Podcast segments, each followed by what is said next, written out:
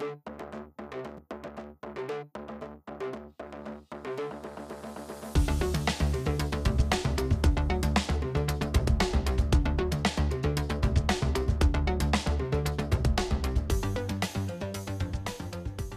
alle sammen, og velkommen til eh, femte episode av Spøkelser etter avdøde størrelser. Eh, vi er jo selvfølgelig meg og Niklas, mm, men i dag har vi også en gjest. Olav, du kan kanskje fortelle litt om deg selv?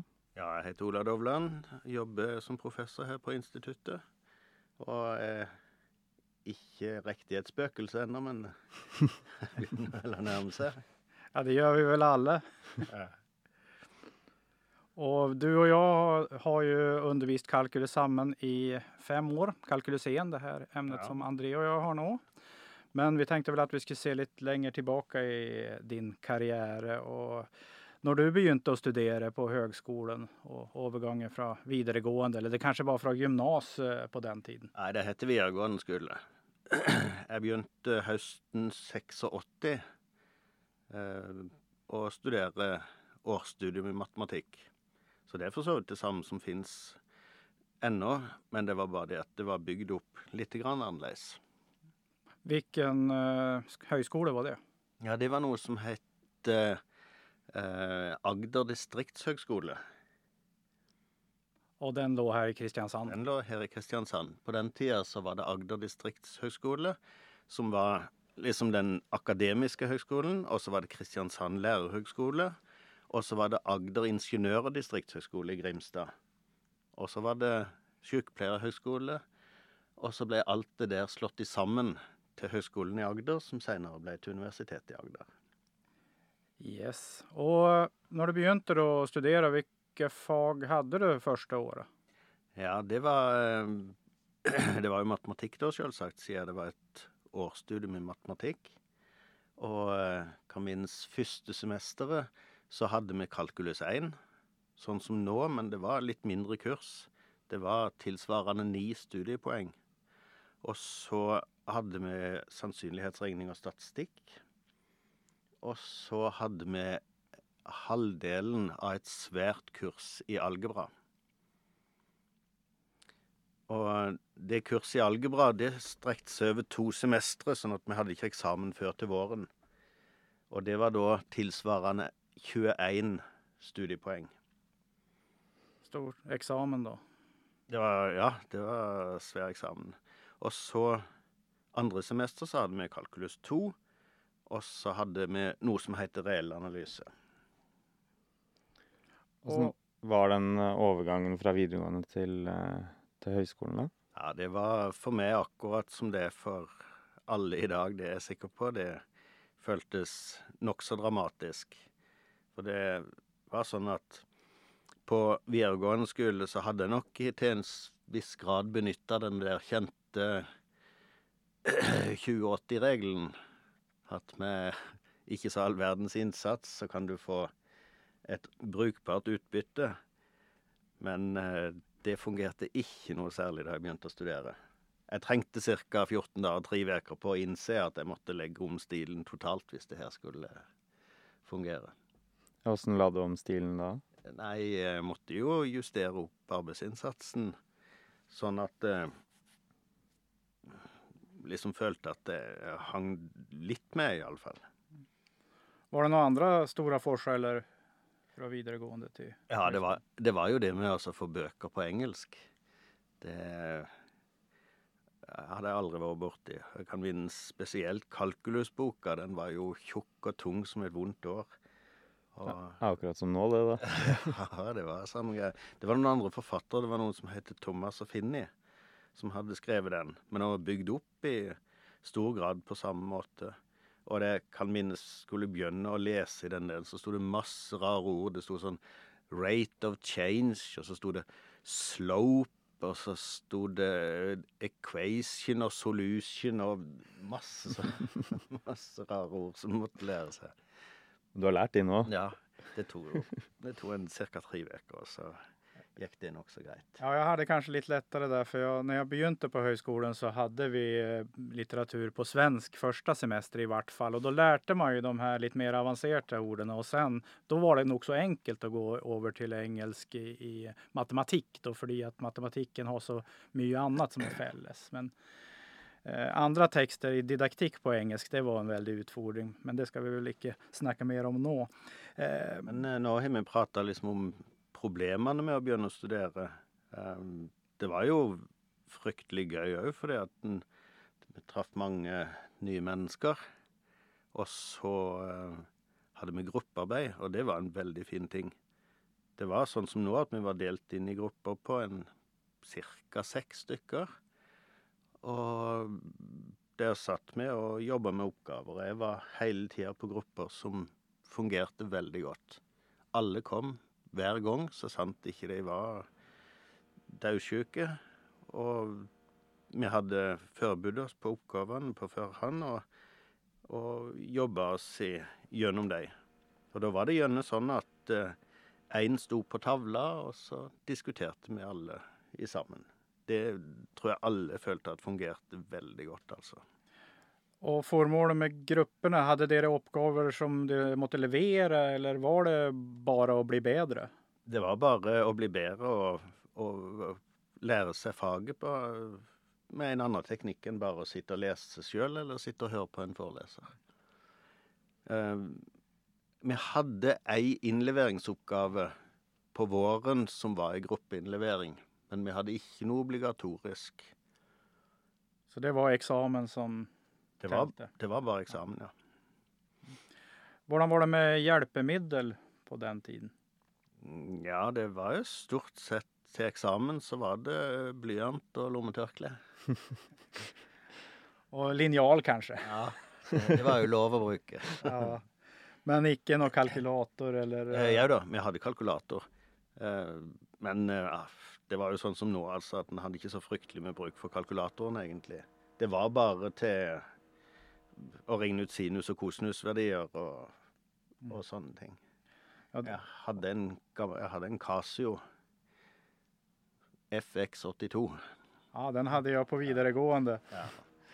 Den, den, er god og gammel. Jeg har vel aldri hatt noen Casio-kalkulator, Altså. Nei, men det var jo en forskjell på kalkulatorene da og nå. nå. Um, da kunne man jo ikke løse oppgaver med uh, kalkulator på den måten. Man kunne bruke dem til å regne og finne kosinesverdier og logaritmer og det, men det gikk jo ikke å som nå i Wolfram Alfa, då, det gikk en kalkulator, men å bare taste inn og i prinsipp få svar. Her, her var det jo et regnehjelpemiddel mer. Mm. Og så I tillegg til kalkulatoren så hadde vi en god del tabeller. Integraltabeller og logaritmetabeller for ulike typer logaritmer. Og ja, det, det, var nok Tabeller spilte en viss rolle, ja. Ja, De begynte vel på å gå ut, kan jeg tenke, i den perioden. Ja. Vi har jo vært inne på tabeller litt tidligere om eh, logaritmer. Ja. Men jeg, jeg, kan fortelle om en ting som er forskjellig nå, med sånn som det var da. For oss så var kalkulus det desidert letteste faget. Mens nå så tror jeg kanskje at kalkulus er det vanskeligste faget. Og grunnen til det var at eh, vi hadde nesten bare kalkulus i matematikken på videregående.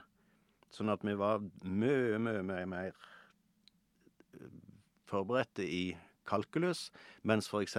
sannsynlighetsregning, det hadde ikke vi hatt noen ting av. Mm.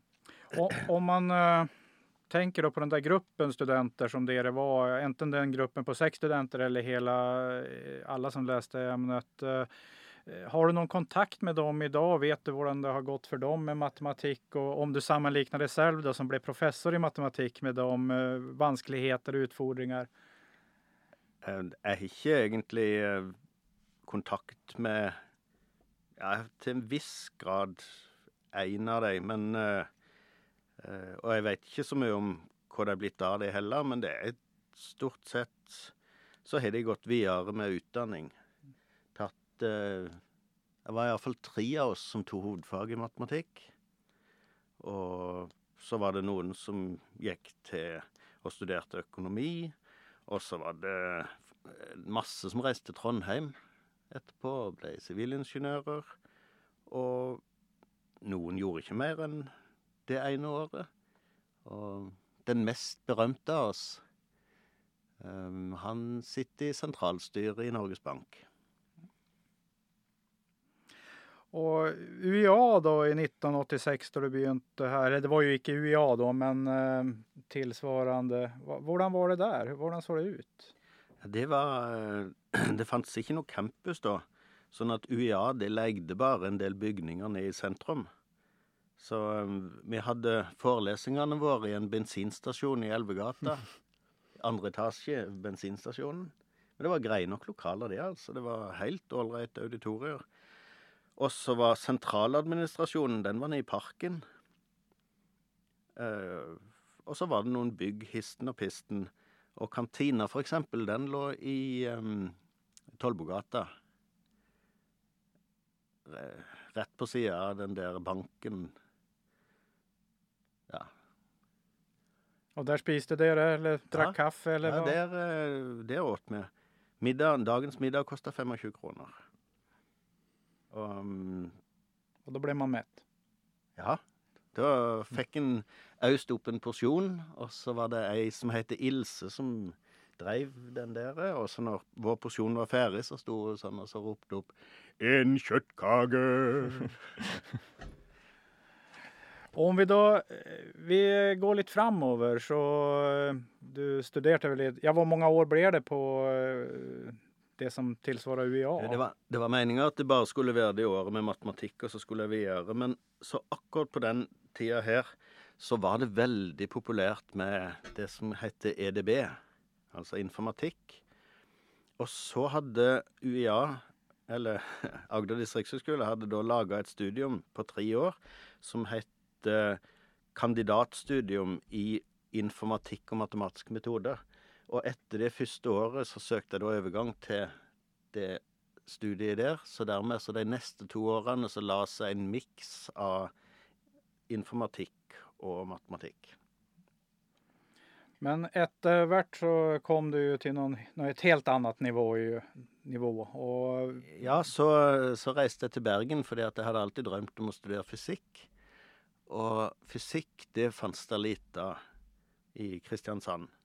Så da, det fjerde året, så studerte jeg fysikk i Bergen og fant ut at eh, det var ikke noe gøy likevel for meg.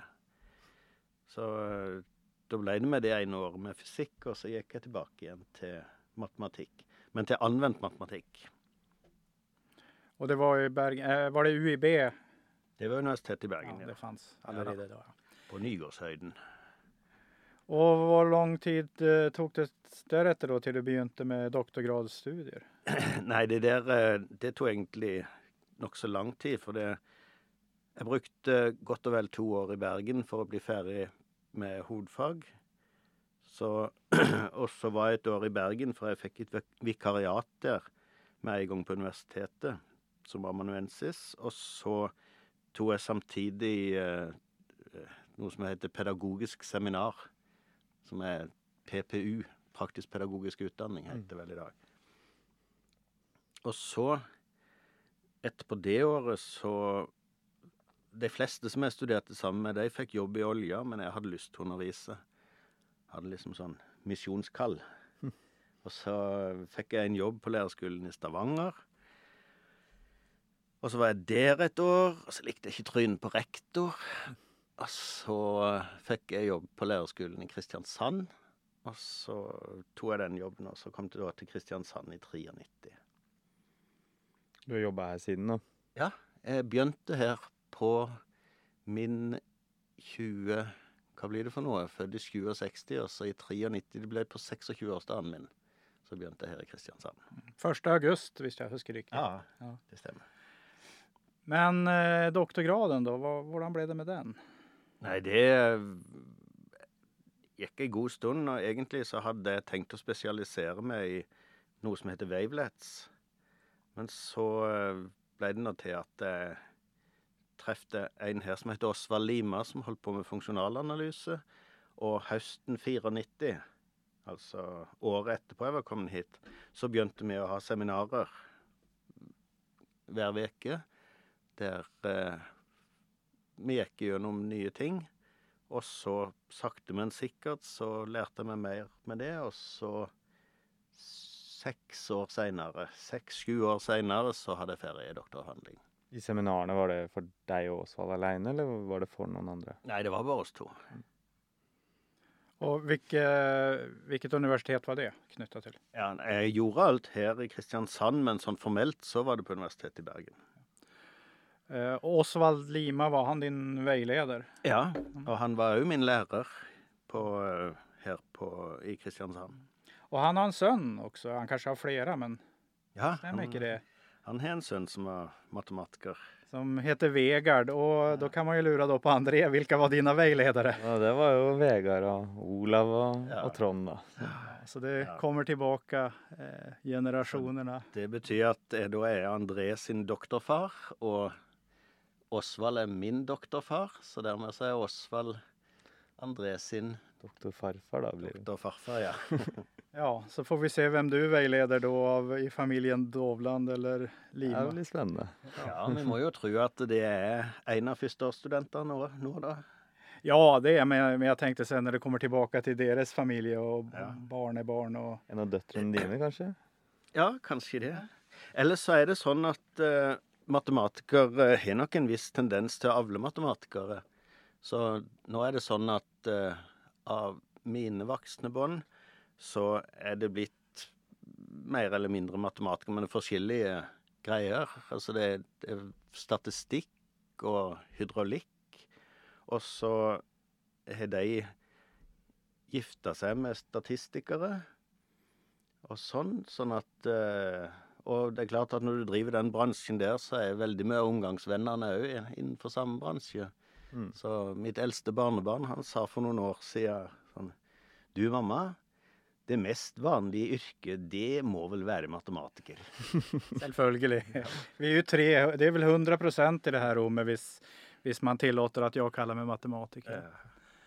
Eh, vi går till det som är aktuellt här och nå, som du har gjort i många fler år, selv om jag är då inne på mitt sjätte år, och var lärare på kalkylusen.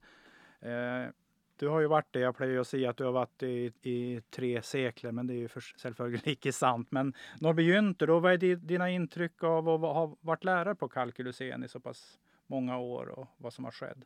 Jeg har vel eh, hatt et slags inntrykk av at kalkulus 1 er blitt vanskeligere og vanskeligere for studentene. Og det er jo selvfølgelig ikke noe med at studentene er blitt dummere og dummere å gjøre. Men eh, det er nok en del med at eh, innholdet i faget og arbeidsmetodene i videregående skole har endra seg ganske mye, mens det har endra seg relativt lite i høyere utdanning. Så hvilke, du begynte 2007, var det sånn? Var det første året? Ja, det var første gang jeg hadde kalkulus 1 her, men jeg hadde undervist kalkulus allerede i Ja. 94 i, på Økkaden. Hvilke husker du hva som var utfordringen da? Ja, det Det var jo den her overgangsproblematikken som jeg òg følte veldig på. At det var vanskelig å begynne å lese engelsk, og, og vanskelig å plutselig skulle hoppe opp et nivå ganske så kraftig. Og så det at ting gjenger så sinnssykt fort på høgskolen eller universitetet i forhold til det gikk på videregående. Kanskje noen av våre studenter som syns at det går fort også, hva tror du, André? Det er jeg ganske sikker på at uh, Jeg tror alle har følt på det. Altså, jeg følte nå selv på det da jeg Ja, det Det følte jo jeg også. Så derfor så var det så deilig for oss i kalkulus, fordi at vi kunne så veldig mye kalkulus ifra før. Ja. Og var så gode til å regne, sånn at det var liksom ikke det der tekniske, det var ikke det som var problemet for oss. Så var det noen mer konkret endring? Du sa at det ble vanskeligere og vanskeligere, kanskje fordi at man har endret arbeidsmåte i videregående, men noen konkret eh, del av pensum som ble større, større utfordring? Ja, det ble vel større og større utfordring å skulle ha så mye pensum, så dermed så har vi vel endt opp med å kutte ut ting som vi har opplevd som ikke det aller, aller mest sentrale. Men med samme poengtall, da, studiepoeng. Ja. Og sen får vi väl se hva som skjer med kalkylus igen. Det er vel prat litt om at den skal bli litt omgjort til neste semester. Men Ja, den blir vel fra neste semester, eller fra neste høst, så blir den vel redusert Ja. til ti studiepoeng. Ikke, nästa, icke vårsemester, men neste kalkylussemester. Ja. Kalkylus. Ja. Mm. Är det noe mer som du tenker at du vil gi til till de som hører på podkasten? det måtte jo være et lite råd om uh, hva du skal gjøre som førsteårsstudent. Uh, det, er, det er ikke alt som fungerer likt for alle sammen, men det er det her med å ikke gi opp. Det, for de aller, aller fleste studenter så butter det kraftig imot i perioder. Og da er det det med å ha trua på at en kommer til å se lys i tunnelen når bare det går litt tid og en holder på.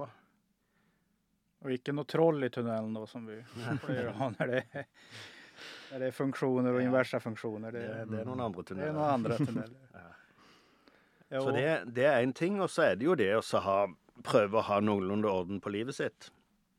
Altså, Viktige forutsetninger for å lykkes som student er å ha en sånn rimelig grei hybel. Og i motsetning til under epidemien nå, eller pandemien, eller Så er det jo det å ha et, eh, et fint sosialt liv. Ha venner som en treffer, og gjør sunne ting.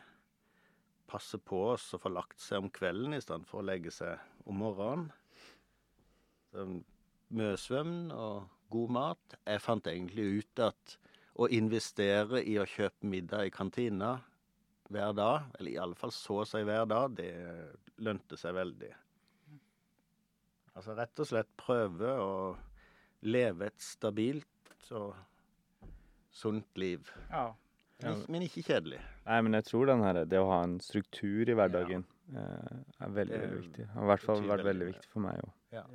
Trenger ikke være noe ekstremist på noen ting, på noen måte. Og det er absolutt lov å ha seg en fest av og til. Det hadde vi òg. Det tror jeg vi alle har hatt. Ja. Ja.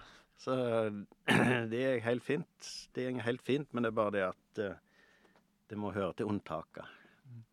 Nei, men akkurat det med å ikke gi opp, tror jeg òg liksom, har jeg jo følt litt på sjøl. For jeg hadde jo en litt spesiell overgang til eh, den der matematiske eh, verden, eller hva man skal si. For jeg hadde jo begynt grunnskolelærerutdanninga, og så hoppa jeg over til lektor og rett inn på kalkulus 2. Så selv om jeg hadde jo eh, en god del erfaring fra universitetslivet, så var det noe helt annet å drive med den matematikken som vi holder på med her, kontra det som vi gjør på lærerutdanninga, Ja. eller på grunnskolelærerutdanninga. Så, var det jo sånn at uh, vi ble veldig godt kjent med den på den der gruppa. Ble godt kjent med andre studenter òg. Og til en viss grad ble kjent med foreleserne. Og når vi lurte på noe, så spurte vi jo en annen. Og så var det noen som hadde skjønt noe, og kunne forklare for oss. Og sånn. Og så, og så spurte vi av og til foreleserne òg. Gikk og banka på kontordøra og, og fikk svar på ting. Ja, og det, å forklare for hverandre er jo noe som jeg hadde god nytte av når jeg gikk på utdanningen, framfor alt når jeg gikk på lærerutdanningen, å kunne forklare for de medstudenter jeg hadde som kanskje hadde litt vanskeligere for matematikk enn hva jeg hadde, at det gav meg en hjelp. og, og tenke hvordan skal jeg si dette, Så da ble jeg bedre på Ja, for det, det handler veldig mye om å sette ord på ting, altså. Du kan drive og ha ting ikke du skjønner, men eh, hvis, så er det veldig lurt å så prøve å fortelle om det du ikke skjønner. Mm. Og bare det å fortelle setter i gang en prosess som gjør at du fort kan komme til å, å Jeg- forstå det du lurte på likevel. Jeg har nå flere ganger gått opp til f.eks. Trond sitt kontor og skal fortelle at nå skjønner jeg ingenting, og så begynner jeg å forklare, og så skjønner jeg akkurat hva det var jeg ikke Ja, skjønte, og da løser alt seg. Så. Ja, det har jeg hørt. Så det her å Ja. hva er är det jag icke kan her. Hva er det jeg trenger å vite for å kunne løse oppgaven? Bare å sette seg inn og, og tenke på det kan hjelpe. Ja. Og så må en for all del ikke tro at de andre er så fryktelig mye smartere enn en sjøl. Det, det en lurer på sjøl, det er det stort sett en del andre òg som lurer på. Jeg studerte selv med en, eh, en del emner, og han sa det, han, han disputerte i matematikk senere, og han spurte veldig mye, og han sa at uh, ja men hvis jeg sitter og lurer på dette, da sitter det sikkert eh, 15 til som lurer på samme sak, så derfor spør jeg hele tiden. Ja. Det er noe med det. Ja. Men eh, her er vel kanskje så at vi skal ta og begynne å tenke på refrengen, som man sier, i hvert fall på svensk. Ja. Det, Vi har fått eh, litt refleksjoner fra en erfaren matematiker og lærer på kalkulus. Og mm. det takker vi for at vi har hatt vår første Mm. gjest. Mm. Ja, det var hyggelig å Ja, det var veldig hyggelig å ha deg her. Ja. Så ser vi fram mot episode seks, og da blir det kanskje ikke noen gjest, men jeg tror vi kommer til å prate om eh, at vi ser på kalkulus i to variabler da. Vi har jo kommet inn på det i den uken, og vi tenker at den blir publisert. Hvis vi ikke kommer på noe bedre. Så skal vi rett og slett si takk for denne gangen da, og ha det bra. Mm.